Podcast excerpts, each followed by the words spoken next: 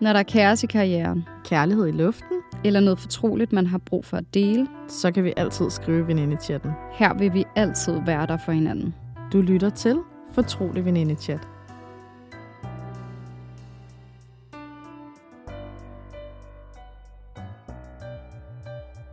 Hej Misse, Hej Kat. så sidder vi her igen. Simpelthen. Ja, det kan være, at vi skal begynde at aftale, hvad vi skal få på de her lille fredage, fordi ja. Ja. at nogle gange så har man lyst til at være meget festlig, Mm. og andre gange så har man bare lyst til at have afslappende tøj på. Ja, casual. Ja. Ja. Du er gået meget casual i dag. Ja, casual but cool. Oh yes. Oh yes. Det, altså mit outfit er jo også meget casual, men mm, altså, jeg vil mene, det er altså office outfit. ja, true. Men det er også fordi, jeg har tilføjet en masse smykker. Det føler jeg gør et eller andet. Ja, krøllet hår, vildt flot makeup, sådan... Det er nok Girl. også det. You're ready to office. Ja. Mm? Nå, men øhm, lad os gå i gang med status på livet. Ja, det synes jeg. Jeg kan ikke engang huske, hvem der skal spørge hvem. Nej, hvorfor er det, vi er så dårlige til det her nu? Jeg tror, klokken er lidt mange. lad mig høre om din karriere. Min karriere øh, er jo sidste gang opdateret jeg omkring det der med, at jeg havde været til et møde. Mm. Mm. Eller skulle til et møde. Jeg kan faktisk ikke huske, hvad for en af opdatelserne det var. Øh, så må så meget med, at jeg har været til et møde. Og det kilder ned i maven. Og jeg glæder mig helt vildt meget til at komme i gang med det her projekt. Og øh, det var rart lige at være til det der møde og bare mærke de der sommerfugle og den der glade følelse og feeling home. Og ja, det betyder bare, at det er fuldstændig det rette, jeg har gang i. Det kan man nogle gange godt blive i tvivl om, når man står og siger farvel til det ene, og skal noget i gang med noget nyt og sådan noget. Ja. Så Og her der snakker du selvfølgelig om det her længerevarende Projekt. filmprojekt. Ja. Halløj.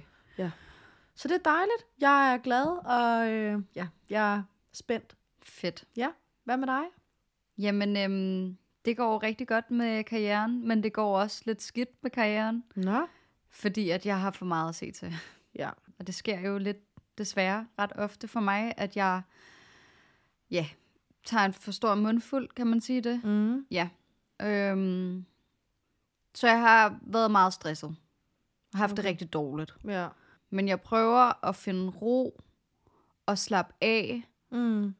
Og ikke give mig selv for mange deadlines, som alligevel ikke er deadlines, fordi det er bare over for mig selv. Nogle gange så laver jeg sådan noget Ja. med, at jeg gerne vil poste fem TikToks om ugen, eller sådan noget latterligt. Og det er ikke altid, at jeg egentlig har overskud til det. Bliver du så, når du ikke overholder de deadlines, stresser det dig så egentlig mere, eller får Helt dig i vildt. down mood? Ja. ja. Og det er også det, jeg skal prøve at finde ro i. Mm. Ja, Ja. så det skal jeg blive lidt bedre til. Men ellers så går karrieren godt. Okay. Vildt. Men øhm, det er godt, at du ligesom er opmærksom på det, og ligesom lytter efter ned Ja. i maven, og også er opmærksom på, hvad er det, der trigger det, og hvad er det, jeg kan gøre bedre for at ligesom navigere i, når der er travle perioder, ikke? Jo, altså det er helt klart det der med at sådan arbejde forud, så jeg hele tiden er på forkant med alle ja. mine deadlines, og så have struktur i min hverdag. Men problemet er jo, at med sådan kreativt arbejde, men også med alle mulige andre jobs, at nogle gange så kommer der nogle uforudsete ting, Mm. nogle rettelser, eller et eller andet, som Ja. ja. man havde glemt, eller mm. Ja, et eller andet. Og det knækker mig bare fuldstændig. Ja, det Ja. forstår jeg virkelig godt. Men øhm, ja, du laver nogle sygt fede ting, og dit content er mega nice, og Tak. ja, du er bare pisse dygtig og mega inspirerende til det, du laver, så keep going, girl. Oh, thank you. Hmm. Nå, kærlighedslivet. Kærlighedslivet. Skal du snart på den date, eller ja, hvad? det skal jeg. Uh. Måske jeg har været på den date, når det, er, det her afsnit kommer ud. Ej, ja. Det er i hvert fald sådan, det ser ud lige nu, i hvert fald. Ja. Der kan jo nu at ske meget, men altså... Glæder du dig, eller hvordan mm. har du det i Mm, maven? Jeg har det sådan... Det ved jeg ikke, lidt underligt med det, øh, Okay. tror jeg.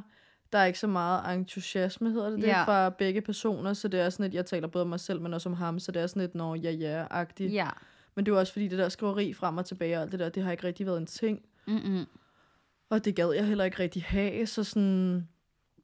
Ja, jeg er spændt, og vil faktisk gerne på den date, men Ja. er også sådan lidt, ja ja, altså vi tager det som det kommer. Bliver det aflyst, så bliver det aflyst, og bliver det ikke aflyst, jamen så glæder jeg mig meget, mega meget til at blive den erfaring rigere og møde et andet menneske. Ja.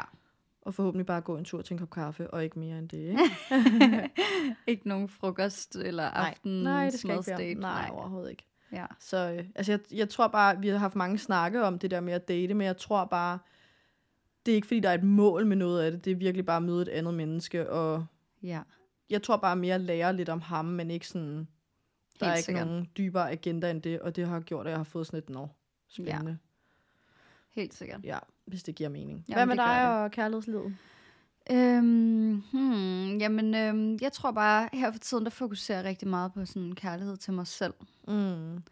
Og ja, jeg har jo været nede med stress før, så sådan, jeg vil helst ikke derud igen. Nej. Og når jeg kan mærke, at de der symptomer kommer, så kan jeg så ved jeg, at jeg bliver nødt til at passe på mig selv. Mm. Så jeg er bare fokuseret på at sådan, gøre ting, der er gode for mig selv. Godt. Øhm, så ja, det er mit fokus lige nu. Det, jeg synes, det er meget fint og hyggeligt. Og... Havde I en god valentine? Ja, det havde vi. Ja. Men øh, vi spiste ikke pasta, som jeg sagde i mit tidligere afsnit. Nej, jeg så det faktisk godt på TikTok.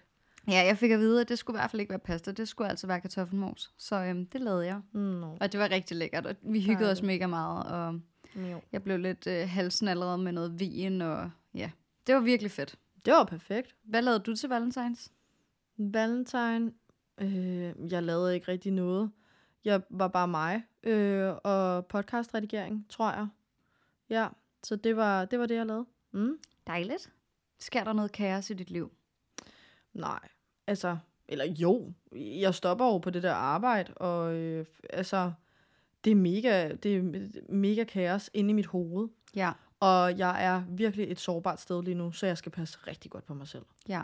Øhm, ja, der er lige nogle ting, der spiller lidt ind for tiden, så jeg har rigtig sådan en rusjebane øh, hverdag, kan man kalde det det. Altså sådan, det er en stor rollercoaster af følelser, så der skal ikke så meget til at skubbe mig ud af kurs. Så det synes jeg er lidt kaos, og der, ja. Jeg, Hvad går er rigt- det, der påvirker dig? jeg tror, det er det der med, når jeg sådan skal starte på noget nyt. Altså, du ved, det er jo en helt ny hverdag, jeg skal vende mig til. Og det skal ikke lyde dårligt, fordi jeg har selv valgt at være freelancer. Men, øhm, men jeg har... Jeg, det er stadig ikke sådan lidt underligt, hver gang man starter på et nyt projekt, så skal man lige vende sig til, nu skal vi i gang igen, nu er det det her game, vi kører, det er den her hverdag, og jeg, lige så meget som at det er sådan et stort skift, jeg elsker jo også det skift, det er jo derfor, Ja. jeg er freelancer, det er jo fordi, jeg elsker at lave det, jeg laver. Ja. Men, men når det så er sagt, så har jeg jo lige været receptionist i tre måneder med faste kollegaer, faste rutiner og fast job og fast løn og du ved, fast hverdag, og man kan lave aftaler, man kan lave aftaler, og nu går jeg ind i sådan en periode, hvor jeg sådan, jeg får besøg af en veninde fra udveksling af, øhm, Mm. hvor jeg måtte sige, jamen du er mere end velkommen til at komme, men øh, jeg ved ikke lige, om jeg skal på arbejde nogle af dagene, men vi må jo tage det, som det kommer. Ja. Men øh, uanset hvad, så er jeg bare sådan følelsesmæssigt øh, rollercoaster lige nu. Så ja. jeg skal bare passe ekstra godt på mig selv. Mm. Ja. Det er godt, du har fokus på det. Ja. Hvad med dig? Øhm, kaos er nok bare stresssymptomer. Ja. Øhm, bare, siger jeg, som om det er ingenting. Men, men ja, det er nok det, der, det, der fylder mest lige nu. Mm. Vi har jo fået styr på strømmen. Semistyr. Øhm, vi fik jo en mester ud til at kigge på det, Ja. og der er så kommet en anden elektriker ud for at lave det om. Mm. Og det er blevet lavet om. Vores opvaskemaskine virker igen. Woohoo! Øhm, og så, øh, så mangler vi egentlig bare at få nedslag i prisen på den der regning. Okay. Håber jeg. Ja. Men ja. Okay. Hold da ferie. Ja. Så der er bare fart på, og det, Det må man sige. det skal man jo heller ikke sidde og brokse over. Det er jo faktisk Nej, mega dejligt, fordi Det er virkelig dejligt. vi laver det, vi elsker, men der er også bare nogle gange nogle bagsider af det. Ja. Men det er, hvad det er. Lige præcis.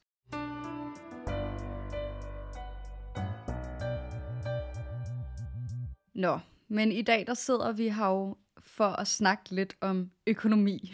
Ja. Og jeg ved ikke, om vi er sådan de bedste til at snakke om de her ting, men vi alle sammen har jo en økonomi, så Mm. måske vi bare skal snakke om det, så se, hvad der kommer ud af det. ja, lad os springe ud i det og se, hvad det kan. Ja. Mm. Jeg får ret tit spørgsmål omkring min økonomi, Mm. og jeg tror lidt, at folk har en eller anden idé om, at jeg har styr på min økonomi. Og det kan jeg bare fortælle her nu allerede. Det har jeg ikke. Mm-mm. Overhovedet ikke. Nej. Hvad vil du selv sige, at du havde? Det, nej. Nej. Nej. Men øhm, i dag, der tænker vi, at vi vil komme lidt ind på, sådan, hvordan vi er vokset op, Mm. og den økonomi, der har været i det, i vores opvækst. Og så vil vi også rigtig gerne snakke om investeringer, pensionsopsparinger, også det her med, at man låner penge fra sine veninder, og Ja. skal overføre penge, og Skat, forskudsopgørelse. uh, yes, Au, min arm. alle de der uro-fornemmelser, der nogle gange ja. kan være forbundet med økonomi. Ja, Så det ja. bliver rigtig spændende, det her. så er det måske også bare vigtigt at sige, at altså det er jo ikke, fordi vi sidder med kæmpe meget livserfaring og bare sidder og skal gøre folk kloge. Så hvis man håber på, at man kan blive klogere på økonomi, øh, efter det her afsnit, så er det ikke det, vores formål er. Vores formål er jo ligesom bare at fortælle om, at øh, ja, vi har jo, du er selvstændig, jeg er freelancer, det kan nogle gange godt se lidt glamourøst ud, og det mm. er det langt fra. Så hvordan er det egentlig bag facaden? Ja, og så Ja. bryde tabuet om, om det her med, at vi ikke snakker om vores økonomi. Altså, det Ja. gør os bare endnu mere utrygge og forvirrede. Ja, Øh, det gør det i hvert fald for mig. Så jeg er rigtig glad for, at det er blevet et taleemne. ja. Og jeg glæder mig rigtig meget til at have den her snak med dig. ja. Men øhm, lad os starte ud med at snakke lidt om vores opvækst. Hvordan Mhm. var økonomien hjemme hos dig, og fik du lommepenge og sådan noget? Altså ja, jeg fik lommepenge, og jeg kan faktisk ikke huske, hvornår det startede. Nej. Øh, det var bare sådan 10 kroner-agtigt, hvis jeg lige gjorde det ene eller det andet eller det tredje. Sådan noget, hvis du vasker op eller sådan noget. Ja. Og der var rigtig meget med havearbejde. Og på en eller anden måde, så har jeg totalt grønne fingre og elsker havearbejde. Så sådan, jeg ved ikke, om det har noget med dengang med lommepenge at gøre. Men altså, i hvert fald, så ja, der har været lommepenge, og sådan, jeg har haft det fint. Mm. Det, øh, det, det er, hvad det er, tror jeg. Jeg tror også, jeg får sagt i det tidligere afsnit, altså gym-afsnittet, at øh, det, der hedder årgang 14, at øh, det der med, at jeg var lidt overvældet, da jeg kom på handelsskolen, og alle bare rendte rundt med Ja. dyre tasker og store biler og sådan noget, fordi det er ikke det, jeg kommer fra. Ja. Og det er ikke fordi, at man ikke kan have begge dele, men jeg kommer med et hjem fyldt med kærlighed, men sådan, når vi bestilte takeaway, så var det også en ting, hvor jeg var sådan, det blev der virkelig altså, sat stor pris på. Ja. Det var en ting, at sådan, okay, nu skulle vi lige forkæle os selv lidt. Mm. Og det opdagede jeg hurtigt nogle gange, når jeg kom hen til nogle andre familier. Det var sådan, "Nå, jamen, det gør vi bare. Hvor jeg var sådan, hvorfor værdsætter I det ikke? Sådan, det er da en, det er da en, det er da en stor ting. Nu bestiller vi takeaway. Altså, det er da virkelig Hvad med sådan dejligt. noget at tage ud og spise? Ja, men det var også noget, man sådan, du ved, det, Ja. det var ikke noget, man gjorde hele tiden. Mm-mm. Og det er jo overhovedet ikke dårligt. Altså, det har bare gjort, at jeg værdsætter selv de mindste ting, og det tror jeg virkelig, du kan skrive under på. Mm. Altså. Ja, det kan jeg. der skal ikke så meget til. Og den opvækst er jeg virkelig glad for, at jeg har haft. Mm. Ja. Så du har ikke følt, at du har manglet noget, men du har også godt kunne se, at dine venners familier måske har ikke haft flere penge, men sådan, har i hvert fald brugt pengene på en anderledes måde. Ja, lige præcis. Ja. Altså, jeg tror bare, jeg blev overrasket over det der med, at jeg værdsat meget sådan, nå jamen, nu gør vi det her. Altså sådan, hvor andre var sådan, ja ja, vi tager bare lige, og vi tager lige på Sticks and Sushi, og vi gør lige, og var sådan, wow, Ja. ja. hold da, altså, ja okay. Hvad med sådan noget som rejser? Jeg har faktisk ikke været så meget ude at rejse. Altså, det skete først, øh, da jeg sådan kom på efterskole og sådan noget. Jeg har altid været afsted med skolerne, Mm. og det, var, det har jeg egentlig haft det fint med. Mm. Altså, det har Mm. ikke været noget behov, jeg har haft overhovedet. Mm-mm. Så det har egentlig været meget fint. Jeg har aldrig sådan, det tror jeg ikke, at jeg har tænkt så yderligere over. Nej. Ja. Hvad tænker du i forhold til dine søskende? Sådan, var du, følte du, at du fik lige så mange penge og fordele, som dine søskende gjorde? Det skal lige siges, det ved jeg ikke, om jeg har fortalt i podcasten faktisk, men jeg er jo mega efternøler. Ja. Jeg er kæmpe, kæmpe efternøler. Mm. Øh, så jeg har tre ældre søskende, Mm. og jeg er virkelig blevet forkælet øh, rigtig meget på den gode måde. Altså både med kærlighed og alt muligt andet, men sådan, du ved, altså... Og når jeg siger forkælet meget, så er det ikke, fordi det har været kæmpe dyre gaver og sådan noget. Det er slet ikke nej, det. nej. Men så er der altid, når jeg kom hjem, og hvis de har været på besøg, så nogle gange så lå der lige sådan et, øh, hvad hedder det, vi ungeblad eller sådan noget gemt under min hovedpude. Og det er det, jeg mener med at værdsætte de der små ting og sådan noget. Mm. Øhm, jeg har altid været meget...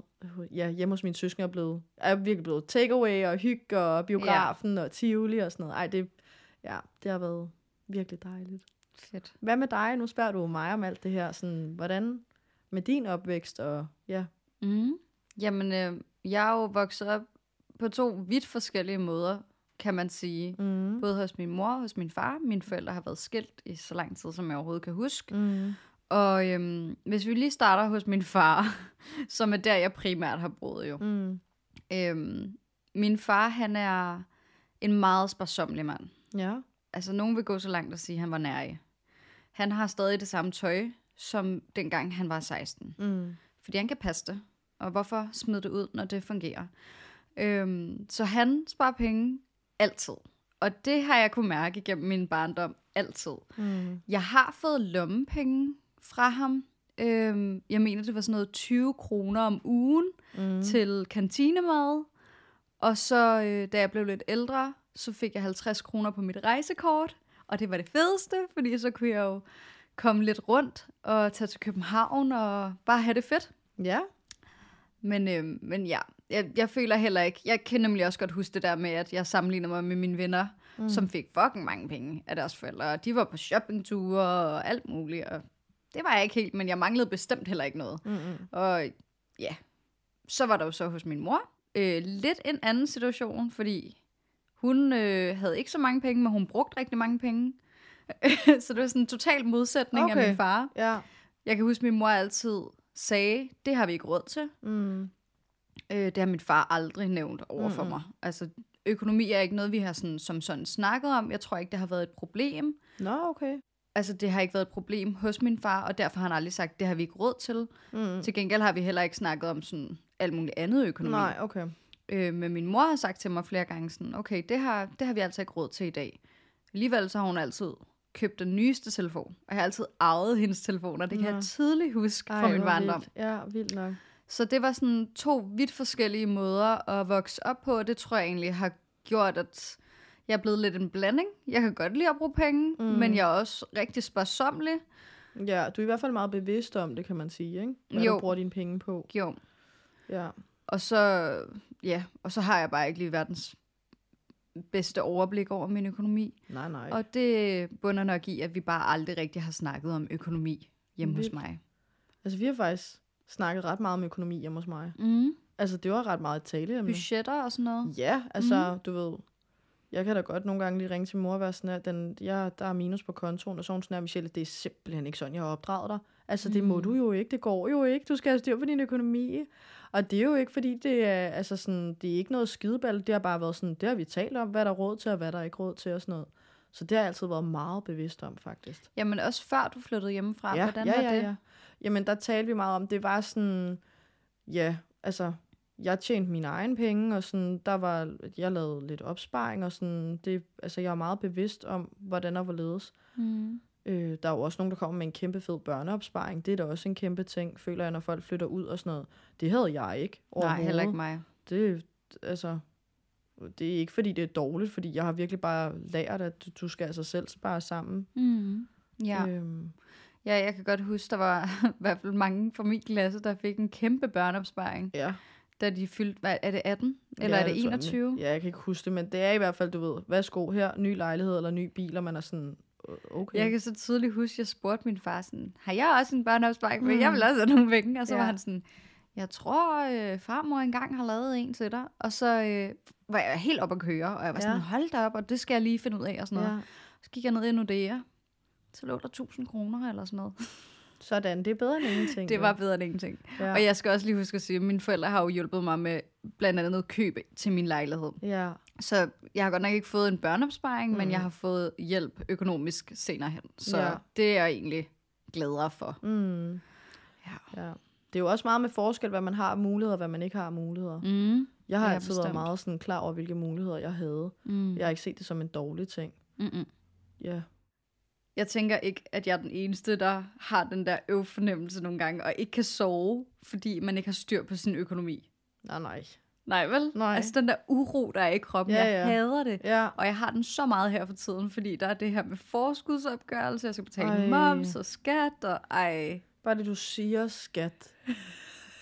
og bare ordet forskudsopgørelse, ikke? Mm. Jeg tror ikke engang, jeg kiggede på min forskudsopgørelse sidste år. Du kiggede ikke på den. Nej. Du kunne ikke overskue det. Nej, den er der bare. Ja. Og så fik du et skattesmæk, eller så gjorde du ikke. Og så var du bare sådan, ja, ja. Ej, du skal høre om alle mine skatteoplevelser. Du, jeg, vi kommer til at begrave mig efter det her afsnit, altså. Ej. Nej. Ja. Hvad så da? Jamen, jeg har jo arbejdet som danselærer i rigtig mange år. Ja. Og der er du B honorarlønnet, eller hvad det hedder. Ja. Øhm, og øh, det, der skal du selv indberette til skat. Ja. Og det har jeg også gjort og sådan noget alt godt, men det der er, det er, så har jeg jo selv lagt pengene til siden. Så når jeg har fået min løn, så har jeg cirka lagt halvdelen til siden, bare for at være på den sikre side. Og så var jeg sådan, ja ja, og så gik jeg ind og tjekkede, når året var omme, ikke? Wow! Hold da op! Der var, bare, der var et år, hvor jeg skyldte 20.000, tror jeg. Det var bare rødt. Den Ja. der røde farve på skats side, ikke? Det er, Ja, den, det, det gør ondt. det er, man får koldsved af den. så. Men det er også det der med, at man har en fornemmelse af, jeg ved godt, der sker et eller andet lige om lidt. Og når man så ser det foran sine øjne, så man sådan, det kan ikke være rigtigt. Nej, jeg var sådan der, så mange penge har jeg aldrig. Det var det helt åndssvagt. Øhm, ja, men så, du ved, går man jo ind og laver alt det der kørselsfradrag, og jeg skal komme efter dig, og hvornår har du egentlig kørt de steder og sådan noget. Og jeg kan huske, det var, altså, det var et helvede, mm. fordi hvornår har jeg kørt frem og tilbage til danseskolen, så lige pludselig skulle jeg jo sidde i min fysiske kalender og være sådan, hvornår har jeg haft vagter, frem og tilbage, så var jeg på den danseskole, så var jeg på den danseskole, om den lå der, den lå. Prøv at høre. Ja. Hold nu op. Men Ja. øhm, prøv at høre, jeg overlevede. Jeg lærte det på den hårde måde, men øh, Men føler du, du har lært det nu? nej, så jeg har jo lige sagt, at jeg ikke ordnede min forskudsopgørelse sidste år. Men det er også fordi, jeg har jo bare et mega dårligt erhverv, hvad det angår. Altså, jeg har jo ikke et fast job fra morgen til aften, og jeg ved præcis, hvad jeg får hele tiden. Så det er jo sådan en, en finger op i luften, og sådan, øhm, ja, altså, er det solskin eller regnvejr i dag? Ja. Ja. Altså sådan, hvad bliver de næste par måneder? Og så må jeg lave sådan en cirka, og det er jo, det er jo Ja. bare mega svært. Det er det Jeg- samme, jeg gør. Ja, altså, Det, det er sindssygt svært. Jeg er super glad for, at jeg har en revisor, men jeg kan sige, på trods af, at jeg har en revisor, har jeg også fået et skattesmæk på et tidspunkt på næsten 100.000.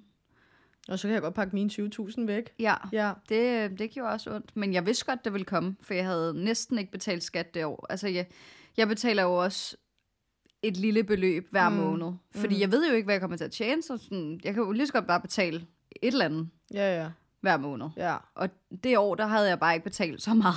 Nej, nej, du havde det sjovt i stedet for. Øhm, Ja, Den strategi kørte jeg faktisk også med det der år med de 20.000, og så lærte jeg, at så var det ikke så sjovt, når året var omme. Nej, det, det er det der med, at det gør ondt, når man ser tallene. Heldigvis, så er jeg ikke typen, der bruger alle mine penge. Så alle pengene lå der jo, og jeg kunne sagtens betale det. Der var ikke noget der, Nej, men nej. det gør stadig ondt. Ja. Det gør det altså.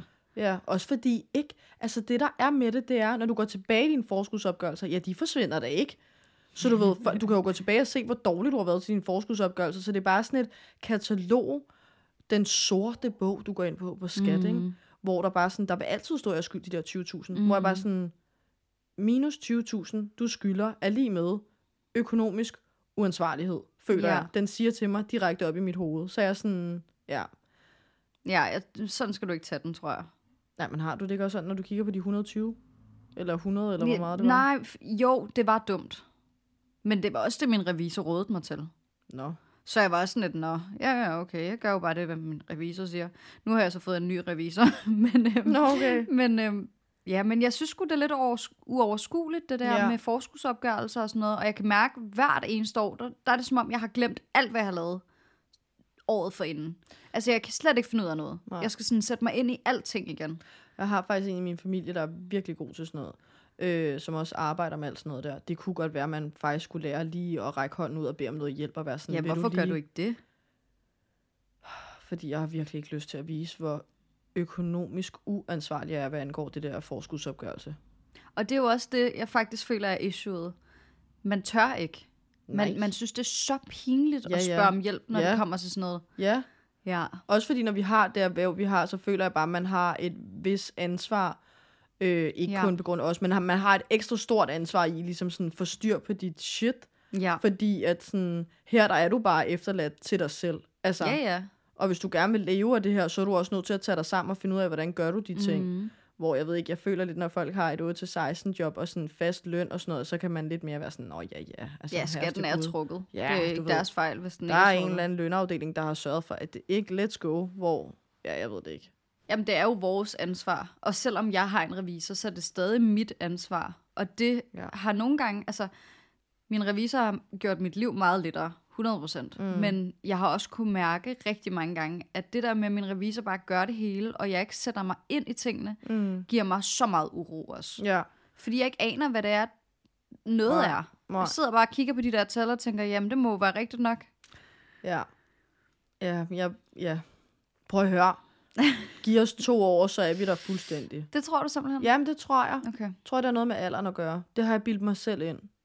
Jeg har i hvert fald prøvet at tage lidt hånd om det nu. Jeg, øhm, selvom jeg stadig har min revisor, så vil jeg i det her kvartal, jeg betaler moms i hver kvartal, Mm. øhm, så vil jeg i det her første kvartal selv prøve at indberette moms. Ej, Alt. okay, jeg er stolt af dig. Plus minus. Dut, dut, dut. Ja, jeg er Ja. i gang med at tage sådan nogle online-kurser, for lige at finde ud af, hvad fanden er det egentlig? Altså, jeg har jo en idé om, hvordan jeg gør det, men, men jeg vil gerne gøre det rigtigt. Okay, det synes jeg, det synes jeg er sejt. Tak. Bosswoman over there. Så altså, kan det være, at jeg fyrer min revisor. Ej, det må du altså ikke. Det kunne godt være. Altså, det er jo ikke, fordi hun er dyr, men jeg kan bare mærke, hun giver mig faktisk ikke så meget ro i kroppen, som jeg egentlig havde håbet på. Okay. Du havde håbet at blive taget lidt mere i hånd, måske. Jamen, nej, men jeg tror ikke engang, det ligger så meget på hendes sådan overhovedet. Det er mere det der med, at jeg sådan slipper al kontrollen, og lader hende gøre det hele. Mm. Og det gør mig usikker, fordi så ved jeg ikke rigtig, hvad fanden der egentlig foregår. Mm-mm. Så jeg har egentlig brug for at få den der kontrol tilbage igen, Mm. og lade være med at sige hele tiden, om det ved jeg ikke noget om, for det gør min revisor. Det er jeg så træt af, at det er sådan, jeg har det. Ja, men så, skal du, så er det jo også en forkert prioritering. Så skal du måske bare selv tage hånd om det. Men Ja. altså, i forhold til, at du har sagt, at du er i en lidt stresset periode ja. lige nu, så synes jeg måske ikke, at det er det bedste valg, at du sidder og tager, jeg ved ikke, hvor mange kurser, og gerne vil, du ved, prøve at blive bedre til noget, hvor at, øh, din tid måske er rimelig presset. Men, men det er bare et godt råd herfra. Måske gør det, når det er, at der Ja. er lidt mere stille periode. Hvilket det ikke ser ud til, at 2024 bliver. Men ja, Ja, nej, ja, og det har du også ret i. Men stress er også bare mange ting. Mm. Og den der uro i kroppen kan bare også godt give stress. ja, ja. Altså, Så jeg, jeg prøver faktisk at mindske min stress Ja, på en ja. eller anden måde. Ja, ja. Jeg ja. ved ikke, om det giver mening. Mm. Mm-mm. Ja, så, men vi får se. Ja. Du har ikke lavet din forskudsopgørelse endnu? Nej. Heller ikke mig. Nå, men Kat, nu nævner du sådan lidt det der med, hvad der giver dig uro, altså forskudsopgørelse, skat. Og jeg får det faktisk dårligt bare at nævne de to ord, ikke? Men, øhm, men er der andet, der giver dig uro? Altså økonomi er jo mange ting. Ja. Der er faktisk noget, der altid har skræmt mig ekstremt meget. Ja. Og det var det her med at låne penge. Fordi jeg bare voksede op med, at man skal ikke bruge penge, man ikke har. Nej. Fra min fars side, ikke fra min mors side. Ja. Øhm, og øh, det tror jeg bare har påvirket mig sindssygt meget. Mm. At det her med, at sådan, for eksempel da jeg skulle låne penge til min lejlighed, Ja. jeg synes, det var så forkert. Ja. Jeg synes ikke, det var okay. Mm-mm. Jeg kunne ikke sove de første par nætter. Jeg, jeg kunne slet ikke sådan affinde mig med, at det, det er bare sådan, man gør nu til dags. Altså jeg kan godt huske, vi havde mange snakker om det også to. Mm. Også fordi igen, altså der kom vi lidt for det samme. Man bruger altså ikke penge, man ikke har. Mm. Øhm, men ja, så det, jeg kan godt huske, hvor meget uro du havde. Du var sådan, åh, det er mange penge, og hvordan og hvorledes og sådan noget. Ja, og jeg har aldrig rigtig lånt større beløber af nogen som helst. Mm-hmm. Altså sådan, jeg, har engang, jeg tror ikke engang, jeg har lånt penge til en kebab af en veninde. Mm-mm. Det tror jeg virkelig ikke. For det, det har bare altid været sådan et, nej, men så skylder jeg dig lige pludselig noget, og det gider jeg ikke, og jeg har ikke lyst til, at der skal være den der, øhm, at kommunikationen sådan, du skal lige huske, at du skylder mig de der penge, og så man sådan, ja, øh, så vil jeg heller bare være foruden de penge. Ja, det forstår jeg og godt. øh, sådan har jeg også bare altid haft det med, med mine forældre. Mm. Men de har så lånt mig penge til lejligheden, Mm. og det gjorde også ondt på min stolthed. Ja, det Helt kan jeg faktisk meget. virkelig godt huske. Ja. Så øh, det der med at låne penge, det er jeg sgu ikke så god til. Men jeg har jo en gæld nu Ja, i lejligheden. Voksent. Uh, det gør bare så ondt at sige, at jeg ja har men gæld. det, altså se det som en investering jo. Jamen, altså, det gør jeg også. Det er en investering. Ja. Men ja. Og, Ja. og jeg vil sige, jeg gjorde det på et godt tidspunkt. Jeg har mm. fået et rigtig godt lån. Mm. Et fastforrentet lån på 1%. Og jeg ved, at dem, der har haft variable lån, de har fået en syg rente i perioder. Hvad så? Ja, det er bare, øh, når du sidder og snakker sådan der, ikke, så er det bare, det er så voksent. Sidder bare her. ja, jeg, jeg Jamen, jeg fatter ikke meget af det selv. Okay. Altså, Nej. Ja, Ja. ja, men altså, ja, det er fedt. Altså, det er mega fedt. jeg tror, jeg skal sætte mig lidt mere ind i det for at forstå det. Ja, altså, ja. Som det ser ud lige nu, så er jeg gæld i de næste 26 år. Ja. Au. Ja, men du, du ja. Men altså, jeg sælger det er jo en investering, før. så sælger du den bum af med gælden. Let's go. Ja, det mm. håber jeg i hvert fald på, ikke? Det er det, vi manifesterer. Ja. Ja. Uh, men hvordan har du det med at låne penge? Jamen altså, øh, jeg har ikke rigtig lånt penge. Aldrig nogensinde. Hmm. Nej, det tror jeg ikke. Heller ikke af dine venner, forældre. Nej. Det, tro- nej, det tror jeg ikke. Nej. Det kan da godt være, at jeg har lånt til et eller andet. Jo, altså nogle gange har jeg lånt, hvis, da jeg var lille, og jeg ikke havde sparegrisen med, for den rendte jeg jo ikke rundt med. Så lånte jeg, og så var min mor sådan, nu skal vi altså hjem og tage 20 kroner for sparegrisen, for du vil gerne have den her chokoladebar i brusen. Så, øh, så på den måde har jeg altid forstået, hvad penge var, når man bruger nogen, så og hvordan og Ja. Du har aldrig overvejet at skulle låne penge til en telefon, eller... Nej. Nej, Nej. nej, du køber altså ikke noget, du ikke har råd til. Nej. Så er det bare ærgerligt, så må du altså undvære din telefon. Men det er bare så sjovt, at vi begge to sidder her og har den mentalitet. Men jeg har rigtig mange venner, der også har taget studielån. Og det er så normalt for dem. Altså, de har ingen uro i kroppen. Mm-mm. smukt, men også lidt farligt, ikke? Jo, men det er jo ikke dine penge. Eller det ved jeg, jeg, jeg kan slet ikke sætte mig ind i det. Nej. Men altså sådan, der er, jo, der er jo også, og det er jo ikke, fordi det skal lyde sådan, der er jo også nogen, der virkelig har behov for det. Ja, Altså sådan, for Præcis. at tingene kan hænge sammen og sådan noget. Der kan jo være virkelig mange forskellige årsager, eller hvis man har, du ved, skal ud, skal flytte ud. Der kan være, altså, det er jo et kæmpe bredt emne, mm. så det er jo mega svært. Jeg har bare, ja. ja. Hvis jeg virkelig stod i en, en nødsituation, og jeg havde behov for at låne pengene, så havde jeg da også, så havde jeg da ikke tøvet. Nej, Men jeg havde ikke altså lånt penge til noget, bare fordi jeg lige ville have en Gucci-taske. Eller sådan, eller feste, så vil, eller, eller nej, så vil jeg jo ikke kunne nyde det. det. Det er bare sådan, jeg vil have dårlig samvittighed. Ja, det vil jeg nemlig også. ja. Helt vildt. Mm. Men jeg føler bare også, at nogle af de studielån, jeg i hvert fald har hørt om, har netop gået til sådan dumme ting. Helt vildt dumme ting. ja. Men man siger jo så også, at studielån og øh, staten er de bedste mennesker at skylde penge, ja, ja. tror jeg. Ja, men det er rigtigt. Siger de ikke det? Jo. Er det mig, der siger noget lort lige nu? Nej, jeg, jeg ved ikke lige med staten. Jeg føler bare, at du Studielån. griber mig lidt for meget her. er det virkelig rigtigt? Ej, studielån er rigtigt. Ja, fordi renten er så lav. SU-lån. Let's go. Ja. Det kan jeg huske, det blev der, der virkelig solgt på i øh, Handelsgymnasiet. Prøv at SU-lån. Hvis du skal tage et lån, så skal det være nu og dødt dødt. Jeg overvejede det da også. Jeg var sådan, okay, men det lyder da som om, det er en kæmpe investering at lave et SU-lån. Mm. Men jeg, ja, jeg gjorde det ikke, vel? Altså, Nej, nej, nej. Ja, okay. Så vi har det på samme måde. Ja. Nå, Kat. Altså, øh, MobilePay-anmodninger. Oha. Ja. jeg har sådan et love-hate relationship til sådan noget. ja, også fordi det sjove er, ikke? Nu er vi jo forretningspartnere, ikke? ja. Og øh, nu handlede jeg ind til mad i dag. ja. Og det er jo sådan, ud over mit budget, altså sådan, det er jo lige pludselig 150 kroner, der er blevet taget ud der, hvor jeg Ej, tænker, jeg er også en dyr dame, når det kommer til mad. Ja, du er i hvert fald kvalitetsbevidst, man skal ikke købe noget. Jeg ved godt, hvad du vil have, og hvad du ikke vil have. Og du, altså, der er du bare hardcore. Det er også Ja. fint nok, altså sådan, det har sin charme.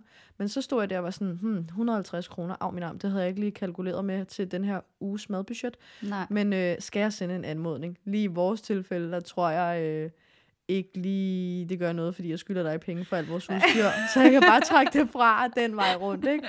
Men, øh, Ja. Men ja, de der Men- anmodninger, det... Øh, Jeg kan genkende det alt Ja. for godt, det der med, at man... Det er også svært, ikke? Fordi man, man bliver lidt inviteret hjem. Altså, det, det, jeg føler jo ikke, at jeg bliver inviteret hjem til dig nu, fordi vi skal lave en podcast. Men havde det været en vis som helst anden situation, mm, så er det jo hjemme hos dig, og der ved jeg, det har du sagt til mig før, der har du bare følt, Nå, men så er der altid mad. Det skal jeg nok sørge for. mm, Men hvis man så altid er hos dig, så får du aldrig ligesom det tilbage. Nej, altså jeg har faktisk en vennegruppe, og de lytter endda med på podcasten, øhm, hvor at jeg inviterer dem altid herhjem. Ja. Og jeg er også lidt sådan, hold op, hvor jeg bare elsker at stå, og du ved, jeg elsker at forkæle folk. Ja, og hygge om det. Altså, jeg, der bliver jeg jo kaldt mor misse, hvad det angår, ja, ikke? det Altså, det, øh, jeg elsker det, og jeg går all in. Mm. Og det er ikke sådan noget med all in på, at alt skal se pænt ud af alt muligt. Det er bare vigtigt, at der ikke mangler noget. Ja. Så du ved, forleden så holdt jeg sådan en øh, hyggeaften, hvor det blev sådan lidt spontant, og der var ikke rigtig nogen, der skulle noget. Så var jeg sådan, hey, prøv at høre. Øhm, og så er jeg sådan, kom her hjem, og jeg laver noget aftensmad til og sådan noget. Det skal I ikke tænke over. Og så øh, jeg går op i den lokale ostehandler, og hygger, der er sådan nogle Peroni-øl. Og så, øh, du ved, får jeg handlet ind til den her aften. Det er jo noget, jeg selv inviterer til. Det er jo noget, jeg selv gør. Der er jo ikke nogen, der har sat forventninger til, hvor dyrt eller hvor meget det skal være. Nej. Men når det altid er en, der holder, Ja. og der ikke er nogen andre, der holder, ja. Så vil jeg jo ikke, altså jeg vil jo ikke anmode, når jeg inviterer folk herhjem. Nej. Nej. Men det er jo bare en omkostning, fordi hver gang du holder, Mm. og der ikke bliver givet igen, Mm. så er det jo bare omkostning på omkostning. Men jeg giver jo ikke noget for selv at skal få noget. Det er et kæmpe dilemma, jeg er i. Det, jeg synes også, det er sygt besværligt, og det er sådan lidt nervepirrende, når man skal sende den der mobile pay-anmodning, Ja. ja. eller man ikke skal. Men jeg tror bare, det er vigtigt lige at kommunikere med sin veninde, ven, eller hvem fanden man nu lige spiser Ja. med, at sådan, er vi enige om det her, agtigt? Ja. Fordi når man tager ud og spiser, så kan man jo altid finde ud af at splitte regningen, føler jeg i hvert fald. Ja, ja, ja, ja. Og, og hvis man... Der er jeg faktisk også rigtig dårlig til at lige være sådan, så lægger jeg ud, men jeg sender aldrig en anmodning, og så har jeg glemt det. Nej. Altså, det glemmer jeg altid. Så sådan, der har jeg virkelig brug for, at mine venner bare lige selv tager hånd om det, fordi jeg fatter ikke noget. Jeg Jamen. glemmer det med det samme. Jeg får så ondt i maven, når jeg skal sende anmodninger. Altså, jeg Jamen, det mig det. virkelig om det. Men jeg, også, jeg har også prøvet det der med, nu var jeg ude forleden, øh, øh, sammen med min søster, hvor jeg var sådan, øh, jamen, altså tak for... I må lige sige, hvad jeg skal overføre, agtigt. Og så kommer der ikke rigtig nogen anmodning, og så er man sådan, jeg sagde ikke tak for mad, for jeg regnede Ej, med ja. selv at skulle... Best- altså, det du ved. kender jeg også godt. Og det er jo ikke noget dårligt, men det er bare sådan, og det handler lige så meget om venner og Ja, veninder, og sådan, ja.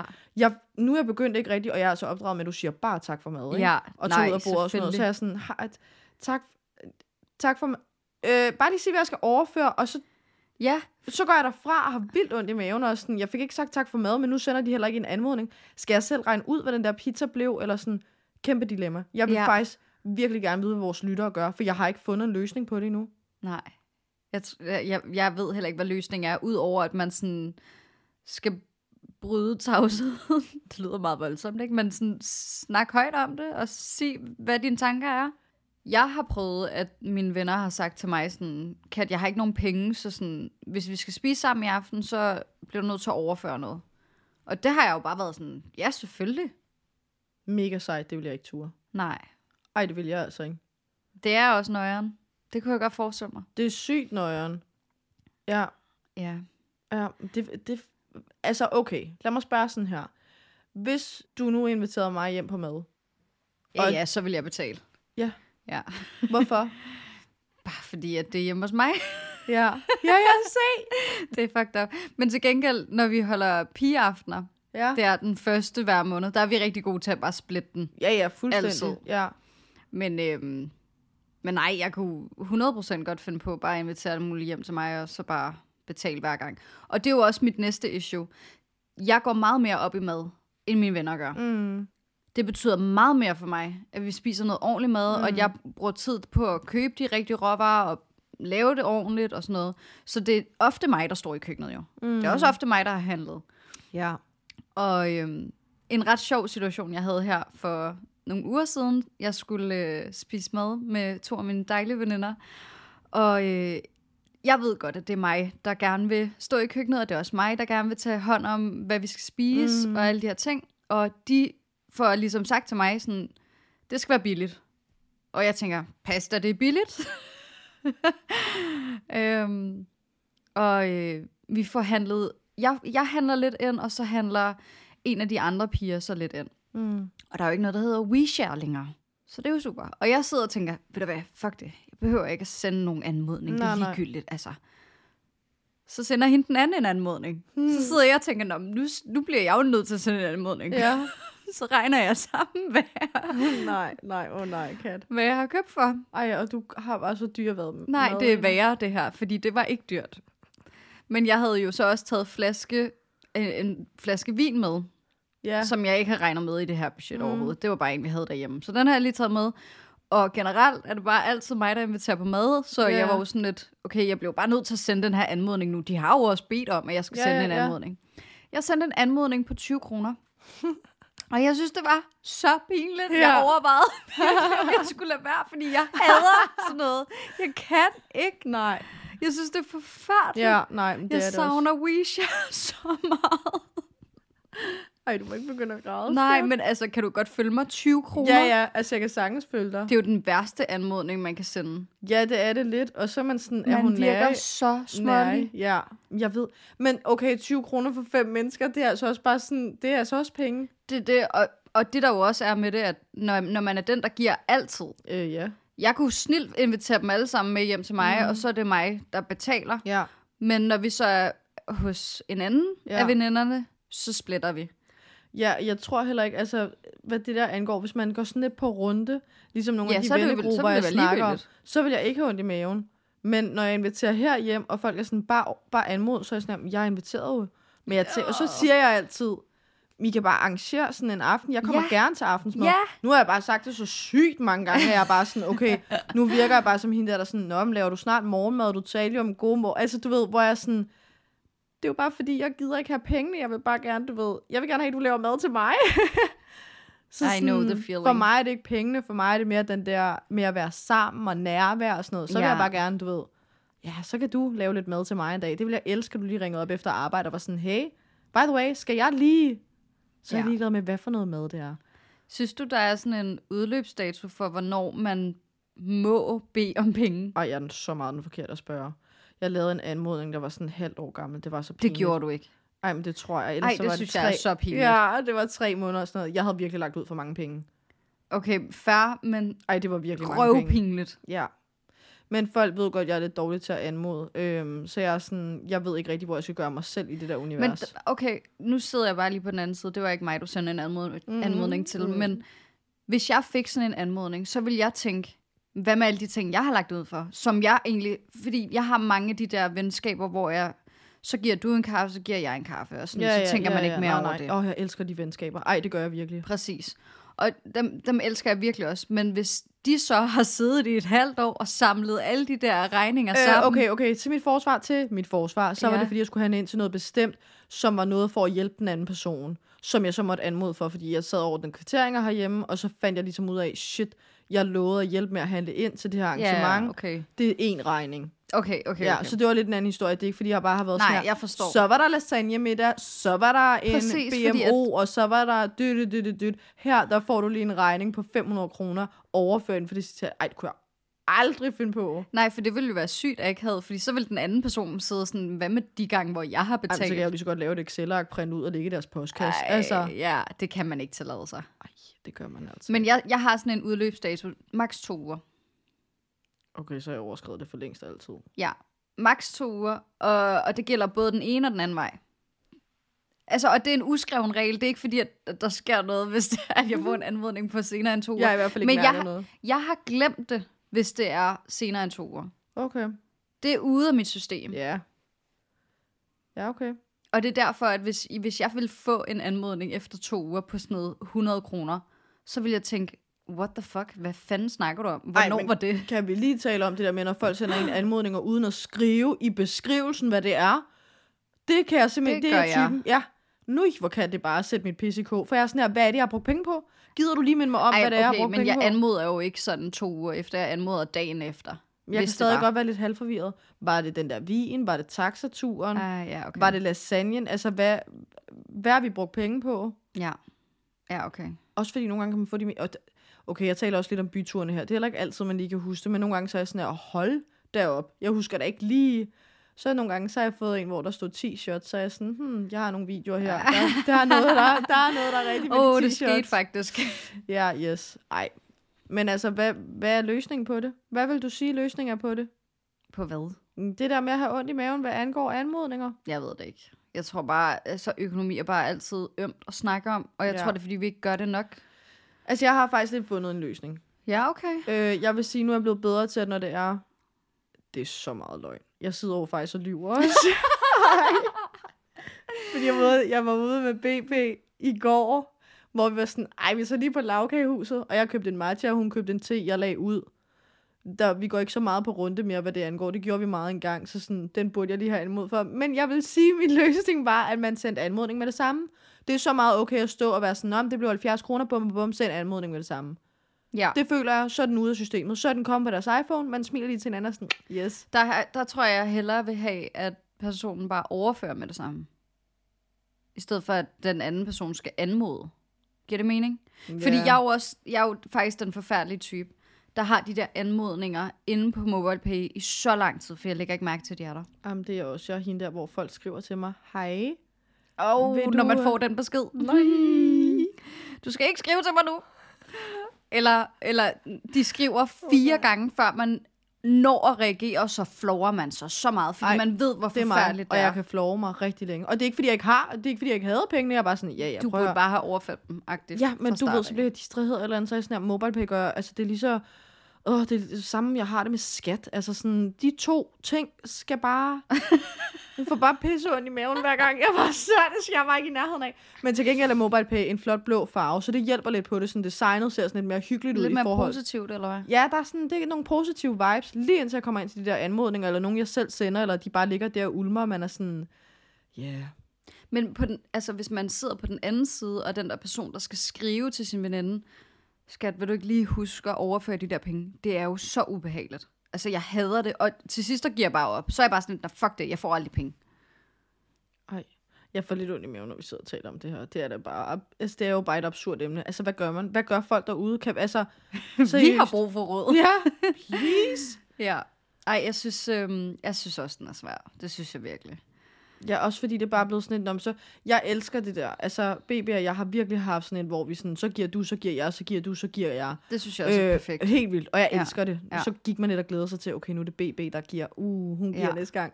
Og du ved, jeg værdsætter det virkelig, og så er det, når det er mig, der giver. Du ved, det, det venskab kan jeg virkelig godt lide. Det kan jeg godt følge dig i. Jeg elsker, når folk giver mad sådan på kryds og tværs, og sådan inviterer hjem og sådan noget. Prøv at høre, det skal jeg så meget bede om. Ja. Helt sikkert. Ja. Nå, men Kat, du nævnte jo lidt det her med omkring, at du faktisk har gæld, hvor jeg ligesom sagde, at det er jo en investering. Ja, Altså, ja det og der er jo rigtig mange i vores alder, øhm, lige nu omkring os i hvert fald, som begynder at sætte sig ned og hus og have og biler og lejligheder og alt muligt andet. Ja, Jeg har jo ikke selv investeret. slet ikke noget. Slet ikke noget. Mm-mm. Øh, og jeg kan godt mærke, at jeg var også den første, der flyttede ud Ja, i lejlighed og sådan noget. Og øhm, ja, så jeg fik hurtigt et forhold til økonomi og det der med at være Mm. ansvarlig og alt det der. mm. Øhm, men jeg kan godt mærke nu, når der er rigtig mange, der begynder at investere og købe biler, og altså, Lad, lad mig lige slå en ting fast. Mm. Mm. En bil er fandme ikke en investering. nej, det var også det, jeg prøvede at komme udenom, men jeg kunne ikke rigtig, ja, en bil er ikke en investering, men sådan, de bruger, altså, der, der kan være noget gæld, eller man skal låne nogle Nå, penge ja. for at få den her bil, Ja. eller hvad ved jeg, ikke? Men øhm, det kan jeg godt mærke, det er sådan lidt, altså, er jeg ikke blevet så voksen endnu, at jeg skal Mm. gøre det, eller sådan, og jeg har tit skrevet ind i chatten til jer, Mm. og også ringet op og været sådan, åh, åh jeg har bare ikke investeret i noget, og jeg er Mm. bare, og det, og det ene og det andet. Er man kun rigtig voksen, hvis det er, man investerer i noget? For det er jo ikke alle, der har muligheden ikke. for det jo. Ja, altså, Jeg synes jo også, det er en god idé at investere, men, Mm. mm. men jeg er jo selv først lige for to måneder siden gået i gang med min pensionsopsparing. og, og pension. Ja. Ja. Øh, men jeg er glad for, at jeg har gjort det nu og taget mig sammen til det. ja, Øhm, det har taget dig til. Det, altså, det har du taget tilløb til. Ja, jeg der. føler, at jeg har snakket om det i et år, Ja, det skal og jeg har for. bare ikke gjort noget Nej. ved det overhovedet. Men altså, Og Jeg er rigtig glad for, at mm. jeg Mm. nu investerer i hvert fald nogle af mine penge. ja. Og jeg har jo så også investering i lejligheden. Ja. Det føles bare ikke som en investering, før man ligesom har solgt den. Mm-mm. Øhm, og så har jeg faktisk også noget krypto. Uh, det vidste jeg ikke. Nej, gjorde det ikke det? Nej. Nej. Ja, det går ikke så godt. Så det er også fuldstændig ligegyldigt, fordi det er en dårlig investering. Lad os lade være med at snakke om det. Men jeg har ikke nogen aktier, udover selvfølgelig min pensionsopsparing bliver investeret i alle mulige aktier. Allerede der, når du sidder og snakker om alt det der, ikke, så føler jeg mig så lille i forhold til dig.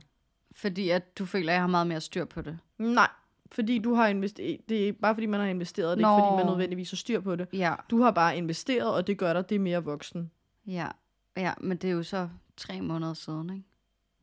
Du investerede stadig i en lejlighed, og det er længere tid siden. Ja, Ja, okay. ja. Ja, ja, men jeg kan godt genkende dine følelser, fordi det stresser også mig, og jeg er blevet dunket i hovedet så meget øh, med den her pensionsopsparing, og jeg burde investere i nogle aktier, og jeg mm. ved ikke Mhm. hvad. Talk about it. Altså. Ja, men altså, og det ved jeg da godt, jeg burde, men Mm. sådan, man skal jo heller ikke investere, hvis man ikke føler, man har det rådighedsbeløb. Og hvis du skal bruge dine penge i den nærmeste fremtid, for eksempel til at købe en lejlighed, mm. så skal du ikke investere dem i nogle aktier. Det Nej. vil være det dummeste. Jeg tror også bare sådan, jeg er virkelig blevet slået meget i hovedet. Omkring alt det der med, at du burde investere i en lejlighed, og du burde, og du burde, og dit og dat, og jeg skal komme efter dig. Hvor jeg bare sådan, okay, jeg bor til leje. Ja. Er der en skam over det? Ja. Altså sådan, jeg har et tag over hovedet, jeg er virkelig glad for min lejlighed. ja. Altså, og her hvor jeg bor, det giver mig mulighed for alt muligt. Øh, at jeg kan arbejde som freelancer, jeg, kan, jeg er glad, jeg kan rejse, jeg kan gøre en masse ting. Ja. Så burde jeg have en kæmpe opsparing, og så bare kunne købe et eller andet på et tidspunkt lige nu, eller burde jeg fokusere på at leve min drøm, og tage ud og rejse, og skabe nogle oplevelser. Der. Så det handler også om, at man har prioriteringer. Helt sikkert. Øh, og ja, jeg vil da 100% gerne investere på et tidspunkt. Lige nu er det bare ikke en mulighed. Mm-mm. Øh, og det har jeg efterhånden affundet mig med, at det er faktisk helt okay. Ja. Fordi om jeg har investeret eller ej, gør ikke, om mine venner synes mindre eller bedre om mig. Nej, Øhm. overhovedet ikke. Ja. Men du har jo så også en opsparing. Ja. Og den lægger du penge ind i. Ja, Hver nogle gange. måned, nej, eller bare en overhovedet gang ikke. Sådan, som situationen er lige nu. Okay. Men, men en gang imellem, ja. Ja. Og det er egen øh, hårdt arbejdende Ja. øh, penge, der er kommet ind der. Ja. Så øh, ja. Men det har jeg jo heller ikke. Mm-mm. Altså, jeg har jo ikke en opsparingskonto. Det har jeg aldrig nogensinde haft. Men jeg har selvfølgelig sparet penge op i form af, at der ligger nogle penge inde i min virksomhed, som jeg ikke bruger. Mm. Øhm, men ja, altså sådan noget med opsparinger og investeringer, det, i mange år har det bare ikke rigtig fyldt noget, og nu fylder det lige pludselig lidt for meget, fordi man begynder at blive lidt for voksen. Ja, og så pensionsopsparinger, ikke? Ej. Altså, det er slet ikke, fordi jeg ikke har styr på det. Jeg vil rigtig gerne have styr på alt det der. Og ja. der er der også styr. Jeg er bevidst omkring alting. Ja. Men når du er freelancer, ikke? That's a thing. Altså, du skifter jo produktionsselskaber, du skifter arbejde hver anden måned. Mm. Og på hvert af de her jobs, der er der forskellige pensionsselskaber. Hvor meget pension kan du nå opspare på to og en halv måned? Hmm, så er der alle mulige regler til, i forhold til, hvis du gerne vil samle dine pensionsopsparinger, så skal det være over et vist beløb, eller under et vist beløb, for at du må trække det ud og samle det, og for at samle det, så skal du betale nogle gebyrer. Det er faktisk ikke noget, der er særlig meget i talesat i samfundet, men Nej. det er virkelig skidt Det- at være freelancer, hvad det angår. Ja, det lyder virkelig som noget råd. Ja, det er det Så også. du, du burde jo faktisk gøre det samme, som jeg gør. ja, og bare ikke- få en personlig, eller hvad hedder sådan noget? ja, en personlig opsparing selv spare op, ikke? Jamen, Øh. jeg har jo sådan en pensionsopsparing, som jeg selv er herover, ikke? Ja, Altså, men der er jo alle mulige kontrakter og ting, og du er bundet og sådan... ja. Jeg har ikke sat mig sådan helt dybdegående ind i det, men jeg ved bare, at jeg var spurgt på et tidspunkt, om jeg kunne sådan frasige mig den her pensionsopsparing, og så bare, du ved, tage pengene ud. Det kan Ja. man ikke, nej. det kan man ikke. Nej, der skal du være gammel. Du, altså, Meget gammel. Ja, og det, det er virkelig noget øv, både hvad angår at være B-honorarlønnet, men også det der med at ja, være freelancer. Ja, Det er, sikkert. Ja, det er helt, det, det er Puha. helt absurd. Ja. I dag så skal vi lave tre hurtige, Mm. som er, er jeg et røvhul. Jeg har taget inspiration fra podcasten Regnbuer og Røvhuller, Mm. øh, fordi at jeg bare synes, Lærke og Sofie gør det pissegodt, og det er mega sjovt, og det synes jeg bare lige, vi skulle prøve lidt af i dag. Ja. Ja, jeg ved ikke, om du kender til det, men jeg kommer til at finde, eller jeg har fundet nogle situationer, nogle historier Mm. øh, online, om folk, der fortæller om noget økonomirelateret, om de så er et røvhul. Og så skal du egentlig bare svare, om de er et røvhul eller ej. ja, jeg er klar. Fedt. Er jeg et røvhul, hvis jeg beder min veninde om at betale, for at have kørt med i min bil? Min veninde skulle på besøg hos mig i Jylland, og tilfældigvis var jeg i København, hvor hun bor, så hun kunne køre med mig hjem til Jylland.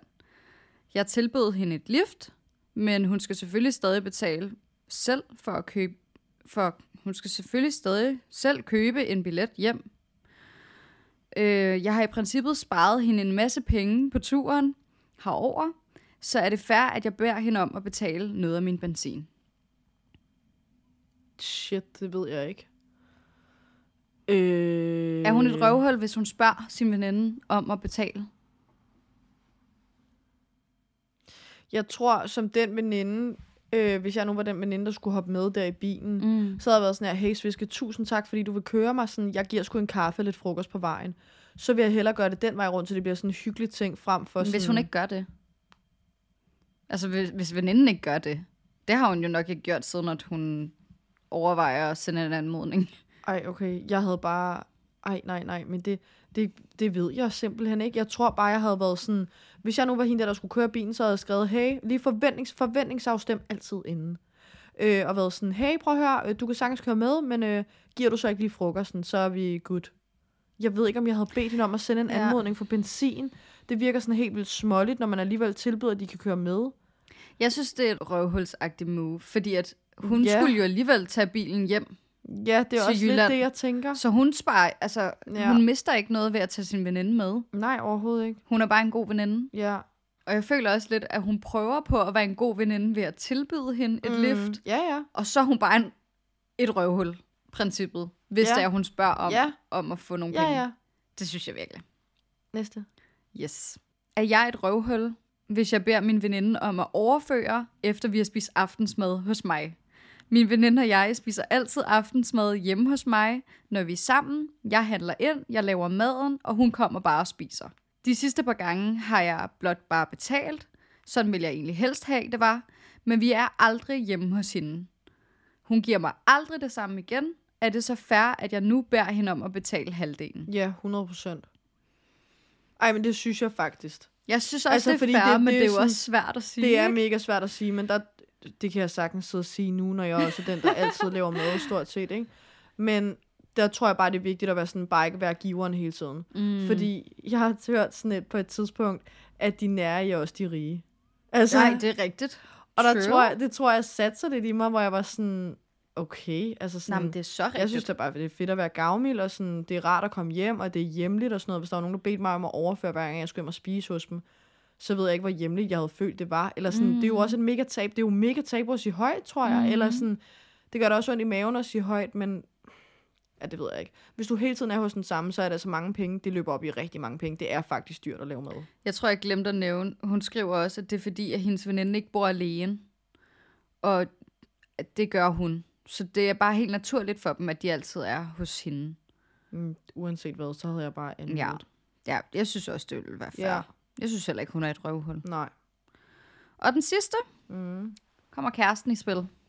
Er jeg et røvhul, hvis jeg gerne vil splitte alle regninger med min kæreste? Jeg er vokset op med, at man splitter alt. Så har begge parter givet deres del, og man skylder aldrig hinanden noget. Vi har også et fast budget til at give hinanden gaver for. Min kæreste har egentlig haft det fint med det her indtil nu, men pludselig føler hun, at jeg er unfair, fordi hun køber ting, som jeg ikke har været med indenover, og jeg ikke vil betale. Er jeg så et røvhul for ikke at splitte regningen, når det er ting, hun gerne vil købe, men jeg ikke vil? Jeg har mega svært ved at sætte mig ind i det der med, at par skal splitte regningen. Ja. Jeg vil absolut ikke selv bryde mig om det. Uh. Al charme vil gå væk. Er det ikke rigtigt? Jo, Så kan du aldrig overraske din kæreste. Nej. men ja, det ved Det jeg. var præcis det, jeg tænkte, da Ja. jeg læste det her. Og jeg tror aldrig, altså selvom jeg vil tjene mindre, eller tjente mindre end min kæreste, så vil jeg ikke være sådan, når jeg så købte noget, jeg vil ikke, altså jeg vil give det, jeg havde lyst til.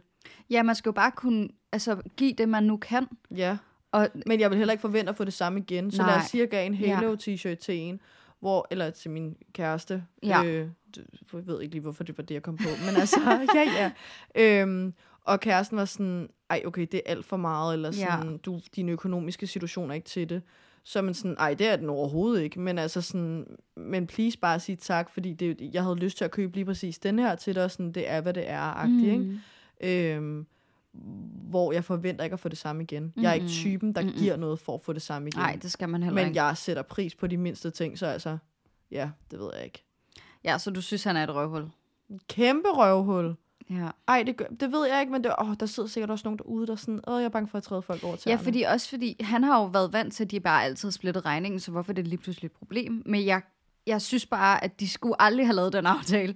Fordi det er, jo, det er jo, hun gør nu. Det er, at hun har lyst til at forkæle ham og overraske ham med alle mulige ting, som han ikke nødvendigvis synes, at der skal bruges penge på. Mm.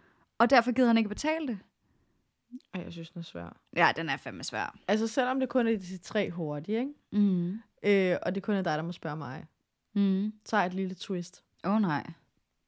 Jeg er ret nysgerrig på, om, øh, det kan jeg huske, jeg tænkte meget over. Ja. og det sådan fylder stadig ikke nogen gange. Men det der med, når man er single, og du sådan, du ved, du er i gang med at søge efter nogen, eller sådan, du Dater. dater ja. eller du dater ikke, uh. eller sådan. Men det der med, spiller det en rolle at være økonomisk attraktiv? Hvad tænker du om hele det? Øhm, Der er en kvinde, som lever sin drøm, og du ved, lad os bare tage mig, du ved, lever sin drøm, alt det der, har det godt, og er virkelig glad, og altså alt kører bare. Der er også en opsparing, og man er økonomisk ansvarsbevidst, og alt det der, men du har nødvendigvis ikke den fedeste pensionsopsparing, og du har ikke lavet investering i nogen lejlighed, eller sådan, hvad det angår. Ja. Og så er der en, som bare kommer fra, det ved jeg ikke, ikke nødvendigvis bagland, men bare har, du ved, der er lavet nogle gode investeringer, og der er en indtjening hver måned, der er fast og dødt dødt, men Ja, jeg tror, det er vigtigt, at i parforhold, at man er enige om, at man bidrager til, hvad man nu kan bidrage med. mm. Og om, i forhold til, om man er mere attraktiv, hvis man har investeringer og har købt en lejlighed eller sådan noget. Ja, det er man jo. Ja. Øhm, men jeg synes jo heller ikke, man skal vælge sin partner på det, på det grundlag Nej. overhovedet. nej. Og så tror jeg også, nu sætter jeg virkelig folk øh, i deres kønsroller og i bås. Mm. Men jeg har en fornemmelse af, at de mænd, som jeg har datet, ikke nogen, jeg har nogensinde har kørt noget videre med, men de har faktisk været intimideret over, øh, at jeg godt kan tjene penge. Ja. Øhm, og der tror jeg, at de har haft et behov for at være den, der har mest styr på det. Ja. Ja. Hvad, hvad tænker du? Jeg tænker, jeg føler, jeg har oplevet at blive stillet nogle spørgsmål. Jeg har snakket med nogen om på et tidspunkt, hvor så var der kammerater eller veninder, der var sådan, "Jamen, så datede jeg ham her, eller jeg datede hende her. Og så det første, der bliver nævnt, ikke? det er sådan, at så har hun egen bil, og så, du ved, arbejder hun her, og hun tjener vildt gode penge, og hun har den fedeste lejlighed, hvor jeg bare sådan, hvorfor er det alt det materielle, der tæller? Really? Altså sådan, ja, det har jeg virkelig oplevet. Og der kan jeg godt sidde tilbage med sådan en følelse, hvor jeg sådan, okay, hvis det er det, der tæller, altså sådan, jeg vil da 100% vægte en, der bare var glad og ved, hvad man stod for, og ja. alt det der selvfølgelig, altså, du skal gerne ikke have en kæmpe gæld og en kæmpe minus på kontoen og være totalt rock and roll og Ja. køre SU derud af, men, men stadig, altså det Ja. har jeg virkelig oplevet. Det kan godt være, at vi skal tage en anden snak om det på et tidspunkt. det omkring synes sådan jeg da helt sikkert, vi skal gøre. Ja, hvad man ligesom vægter. Ja, Ja. i en fremtidig partner. Ja. Mm. Mm. Det synes jeg, vi skal gøre. Ja, Nå, men altså, jeg brugte jo lidt reglerne og lavede en hurtig på dig, hvis man kan sige det. Ja, og det her afsnit, woo, det bliver langt. Det bliver rigtig langt. Men det Ja. har været mega hyggeligt at snakke med dig om de her ting, og jeg synes virkelig, at det er vigtigt, at vi bryder tavsheden mm. om økonomi. Især os kvinder har været rigtig dårlige til at snakke om økonomi, og det gør jo bare, at vi bliver 10 gange mere usikre, når vi så skal snakke om det. Ja. Og det har vi også kunne mærke på os selv her i dag. Ja, oh, her. Øhm, så please, tag godt imod det her afsnit. Skriv nogle søde beskeder til os, så vi ikke øhm, føler, at vi er helt ude af skide. Er kommet med nogle gode råd i forhold til mobile pay anmodninger med mere, for det kunne vi virkelig godt bruge nogle gode Ja. råd om. ja. Øhm, ja. Og så tror jeg ikke rigtig, der er andet for, end at sige rigtig god lille fredag derude. Rigtig god lille fredag.